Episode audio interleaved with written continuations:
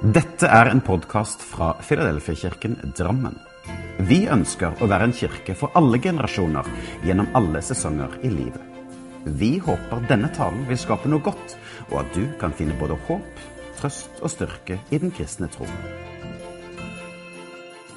Les mer om vår kirke på filadelfiadrammen.no. Hei alle sammen, og hjertelig velkommen da hit til Filadelfia-kirken sin online-gudstjeneste i dag. Mitt navn er Nils, og jeg jobber her i menigheten med ungdomsarbeidet. Og det er jeg som skal få lov å holde en tale til dere i dag. Og i dag så skal vi snakke veldig mye om Josva. Og Josva det var jo han da som tok over etter Moses. Han jobbet og var leder siden av Moses ganske lenge og så sikkert på Moses som både en leder, lærer og mentor. Eh, og Vi skal hoppe rett og slett rett inn i Josva kapittel 2. Og skal vi lese der fremover hele veien frem til vers 9. Og Det er da når Gud eh, kaller Josva til da å bli leder og ta over etter Moses. Min tjener Moses er død. Gjør deg nå klar til å gå over Jordan, du og hele dette folket, inn i det land som jeg vil gi til dem, til israelittene. Hvert sted der dere setter foten på, gir jeg dere, slik som jeg har lovet Moses. Området dere skal strekke seg fra ørkenen og, øh, og Libanon til den store elven Eufrat, hele Hetittelandet og helt ut til storhavet, der solen går ned. Så lenge du lever, skal ingen kunne holde stand mot deg. Jeg vil være med deg slik jeg var med Moses. Jeg svikter deg ikke og forlater deg ikke. Vær modig og sterk, eh, for du skal gjøre dette folket til eiere av landet som jeg med ed lovet deres fedre å gi dem. Vær modig og sterk, så du trofast følger hele den loven som Moses, min tjener, påla deg å holde. Vik ikke fra den, verken til høyre eller til venstre, så du skal lykkes overalt hvor du går. Denne loven skal du alltid ha på dine lepper. Les fra lovboken dag og natt, så du trofast følger alt som står skrevet i den. Da skal du ha fremgang der du ferdes, og alt skal lykkes for deg. Jeg har jo sagt deg, vær modig og sterk. La deg ikke skremme, og mist ikke motet, for Herren din Gud er med deg overalt hvor du går. Og jeg synes Det er en helt nydelig åtte vers. For Her leser vi da hvordan, tidligere om hvordan da Moses har lett folket ut fra Egypt. og De har gått rundt i ørkenen i 40 år. og Til slutt så dør Moses, og det er da Gud som kaller Josva til å ta over etter Moses. Og tenk på de skoa til å fylle opp etter Moses. Vi leser i 5. Mosebok kapittel 34 hvordan Moses dør, så gråter hele Israels folk, så hele, hele folket gråter i 30 dager. Så tenk da eh, de, de, denne redselen, kanskje den her, det, det er skummelt å kunne ta over og, og skal ta over etter, etter Moses. Men så kommer da Gud over Josua og sier han, vet du hva, du skal få lov å gå over jorden, det som dere har lengtet etter i 40 år. Du skal lede mitt folk over Jordan. Du må stole på meg og ikke frykt, for jeg er alltid med deg. Akkurat som jeg var med Moses. Så kommer jeg å være med deg, Josva. Jeg kommer ikke å forlate deg. Men du må huske på å følge loven, eh, så du holder deg på riktig retning, så du ikke sklir verken til høyre eller til venstre. Så det, det Gud basically gjør, det er at han gir Josva en oppskrift på hvordan, hva han trenger å gjøre for å lykkes som en leder. Så På de åtte versene så følger du det her, så kommer jeg gi dere alt dere trenger. Da kommer jeg gi dere, Hvor dere setter foten hen, så kommer jeg til å gi det til dere. Og det han sier det at Lovboken som Moses akkurat har ble skrevet ferdig, den skal du bruke som en kompass så at du hele tiden holder deg på den lille, smale stien. Da ønsker at dere skal være slik at det ikke går slik til høyre eller til venstre. Så bruk, bruk, bruk ordet, eller bruk loven, som en kompass. Les den dag og natt. Du skal ha den på dine lepper. Og hvis du da klarer å følge den, da skal du ha fremgang. Så det er to ting jeg sier. Stol på meg. Frykt ikke. Jeg kommer å være der for deg. Jeg kommer aldri å forlate deg. Og så er det det Følg loven. Bruk den riktig, så kommer det fungere som en kompass for deg og for folket. Og Hvis vi sen hopper mer fremover, inn i kapittel 2, så leser vi eh, hvordan Josva sender ut speidere over hele landet. og Det blir litt av en suksess. Og. Så I kapittel 3 så leser vi hvordan de eh, skal korse Jordan. Og Da leser vi i kapittel 15 at da det som bar arken, kom ned til Jordan, og så snart prestene som bar arken, satte sine føtter i vannet ved elvebredden, Jordan gikk over alle sine bredder gjennom hele skurtiden. Da stanset det vannet som kom ovenfra. Det stod som en vegg langt borte oppe ved byen Adam, som ligger rett ved Sartan. Og det vannet som rant ned til ødemarkhavet, og det er Salthavet, rant bort, og folket gikk rett imot Jeriko. Så leser vi da hvordan prestene går ut med arken, og hvor vannet stopper, og hele da Jordan blir tørrlagt. Eh, får gjøre et lignende vannemirakel, akkurat som Moses gjorde. Og så går da hele folket over Jordan, og da går de da rett mot Jeriko. Og fremover så leser vi hvordan de eh, kommer dit, slår leir, og de begynner å skje masse morsomme ting. Eh, blant annet, eh, de som eh, ble født ute i ørkenen, har ikke fått blitt omskårne. Så derfor tar de et par dager og tar og eh, omskjærer folk og annet moro. Og så står det der at etter 40 år så kunne de endelig spise usyret brød og det som merken, og merkens grøder. Så etter 40 år med manna så tok det endelig slutt. Bare tenk hvor deilig det må ha vært. Og Like etter det så står det hvordan Josva så opp og så en eh, mann stå der foran med et sverd høyt opp. Så Josva går frem til denne mannen og så spør han, hvem er, hvem er du? Er, du? er du med oss, eller er det fienden? Er du mot oss? Og Da svarer denne mannen da, nei, jeg er ingen av det. For jeg er hærfører for Herrens armé. Og Det er ganske interessant skriftsted som vi kommer å komme tilbake igjen til. Og like etter det så instruerer da eh, Gud Josva på hvordan de da skal innta eh, Jeriko. Og eh, Man kan tenke seg at man skal bare sende inn armeen og kjøre på. Men det Gud instruerer dem til, det er å ta presten og ta arken, gå ett varv rundt byen hver eneste dag. I seks dager. På den syvende dagen skal det gå syv varv rundt, og så skal det blåse horn, og helt plutselig skal det begynne å rope ut, sette av et høyt rop, og da skal murene dette sammen og dette ned. Så det, de gjør akkurat som Gud har befalt, eller akkurat som Gud har fortalt. Eh, og de gjør det. Og selvfølgelig, på den syvende dagen, når de folket sitt av et høyt rop, så detter da murene ned, og de kan da innta byen. Og Da får man veldig spesifikke instruksjoner på hva som er lov og ikke lov, hva som man kan ta og ikke ta osv. fremover. Og det sier at Jeriko var nok den første skikkelig prøven for Josva.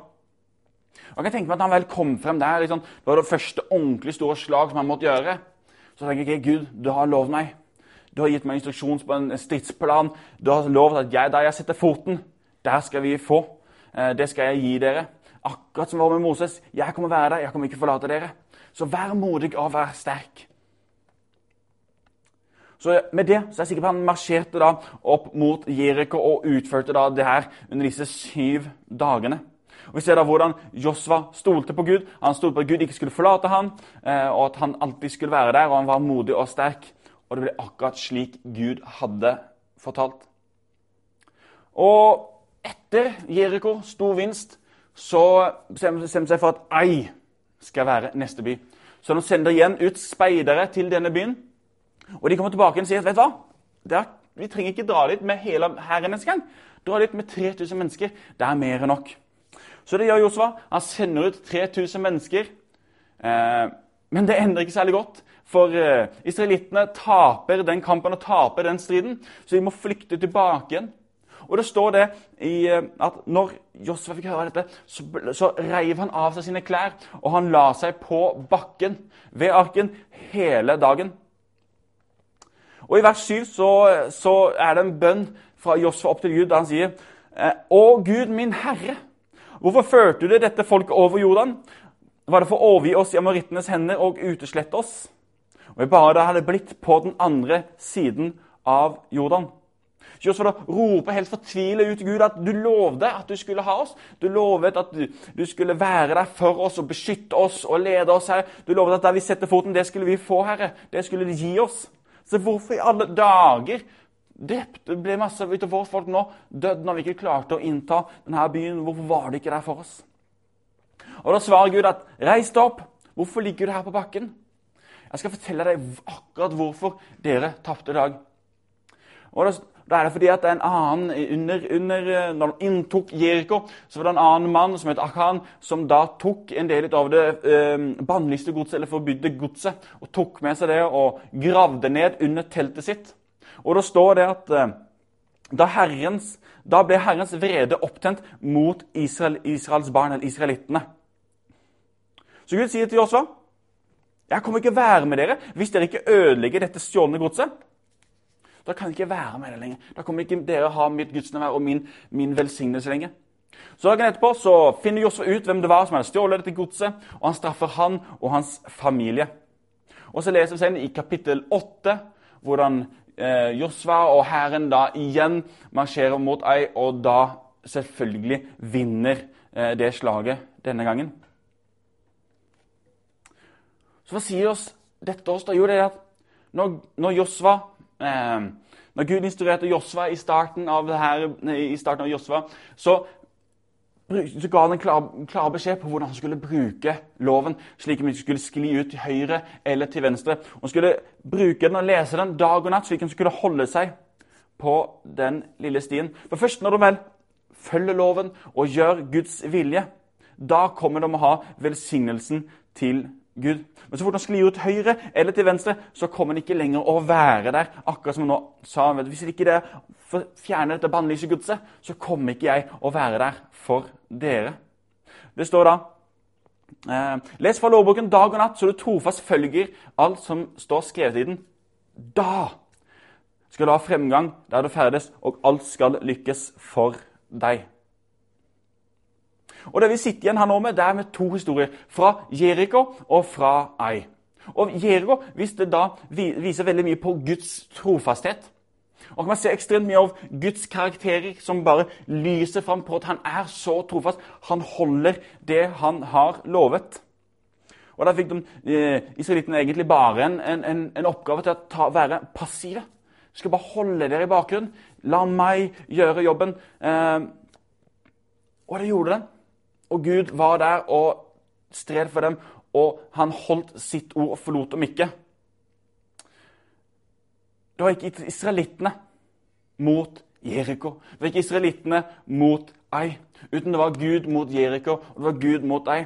Og israelittene bare skulle være bare, bakgrunnen, nesten bare være passive og være, han, passive på og være medhjelpere i Guds kamp og i Guds strid. Og husker bl.a. da hærføreren som eh, Gud sendte i forkant av slaget eller forkant når de gikk mot Jeriko. Det er Guds sin strid, det er Guds sin kamp. Og Hvis Jericho da var en, en, et bilde på Guds trofasthet, så viser Ai en bilde på, eh, om, som viser en bilde om Israels mislykkende. Og Disse to historiene det viser at det lager et godt poeng at hvis Israel skal arve landet, så må de være lydige. Og du må følge Guds kommando, du må følge loven. Eh, og de får ikke noen type av spesialbehandling. For israelittene skulle være annerledes. De skulle ikke være som alle andre, utan de skulle være spesielle. Folk skulle se hvordan de levde, og at Gud var god. Og at kom tilbake igjen til vers 9 i Josva. Det står, 'Jeg skal være med dere, jeg skal gi dere all merk som dere setter føttene på'. Det er det som Gud har lovet israelittene. Men da må de følge loven, slik at de ikke viker av til høyre eller til venstre. De går klokt frem. Det ser grunnet på boken dag og natt. Da skal dere ha lykke eh, på veiene. Frykt ikke, vær rolig, for Herren Gud er med deg i alt det du tar deg for. Og Avslutningsvis så vil jeg bare løfte frem tre ting. Fordi her eh, starten på eh, Josvas sin tjeneste. Og Det første er det der Gud er trofast, og han holder det han har lovet. Eh, til tross for at ikke vi gjør det, så holder han det han har lovet. Og Hvis vi fortsetter lenger frem i Bibelen, til dommerboken og fremover, så ser vi et mønster på hvordan israelittene gang på gang synder og kommer i en, i en, en eh, dårlig plass og i, eh, i, misær. Og hvordan de skjønner at dem sine handlinger har gjort at de havnet der. Så de kommer tilbake igjen og beklager seg til Gud. og Gud lytter på dem og løfter frem en leder og baner vei, slik at de kommer ut og kunne leve i fred igjen. Men det var ikke så lenge før de synder igjen, og så går det sånn om, om og om, om igjen. Så Israel bare mislykkes om og om igjen. Men Gud han er trofast. Han er der hver gang så fort de omvender seg, så er han der og hjelper dem opp igjen eh, til fred. Så Gud er trofast. Guds karakter lyser så sterkt igjennom. Han er så trofast. Han holder det han har lovet. Det andre ting som jeg vil løfte frem, det er at vi, skal være, vi er kalt til å være modige og sterke og stole på Gud. Og bruke da eh, Bibelen som et kompass for at vi skal kunne holde oss på den smale stien. Ha teksten, ha boken, ha loven på dine lepper. Les den dag og natt. Og i hvert fall nå som Kirken fortsatt ikke er åpent. og Hvis du for har vært med i menigheten tidligere, hatt en stor tjeneste og brukt mange timer i uka, bruk deg hele tiden nå til å lese Bibelen. Sett deg ned i teksten. Bruk mange timer i stedet nå for å kunne dypdykke ned, så du kan ha den på dine lepper. Og det siste jeg vil si, og det forlater jeg med, det er at det er Guds kamp. Det er Guds strid. Det var ikke israelittene mot Jeriko, det var ikke israelittene mot deg, uten det var Guds strid. Det var Gud mot Jeriko, Gud mot deg. Og Israelittene var innimellom nesten bare tilskuere, medhjelpere til Guds kamper og Guds strider. Så ikke prøv å ta kampen selv eller prøv å ta striden selv, for da kommer det å eh, stoppe opp akkurat som de gjorde før eh, israelittene da de gikk mot deg, da de klarte å skli av for den stien til høyre eller til venstre. Så vi da holder oss på den smale stien på Guds vei. Og ikke etter opp til høyre eller venstre, så går vi etter Guds vilje. Og da er han der eh, som fører våre livsføring. Og han fører da våre kamper og våre strider. For Gud har sendt sin hærfører. Han sendte sin hærfører rett før de gikk mot Jeriko for å kunne være med israelittene og Israels barn. Men 1300 år etterpå så sendte han òg en Gud, en annen type av hærfører, som tok striden for oss, og som tok kampen for oss. Hvilket er nemlig selvfølgelig Jesus. Så husk det. Det er Guds strid. Han har allerede, Jesus har allerede dødd på korset og tatt striden og tatt kampen for oss. Så, gå på striden, hold dere i midten og gå i Guds vilje. Så kommer han å være der og bane vei og stride for dere. La meg, før vi avslutter denne sendingen, bare få lov å avslutte med å lese velsignelsen over dere. Herren velsigne deg og bevare deg. Herren la sitt ansikt lyse over deg og være deg nådig. Herren løfte sitt blikk på deg og gi deg fred.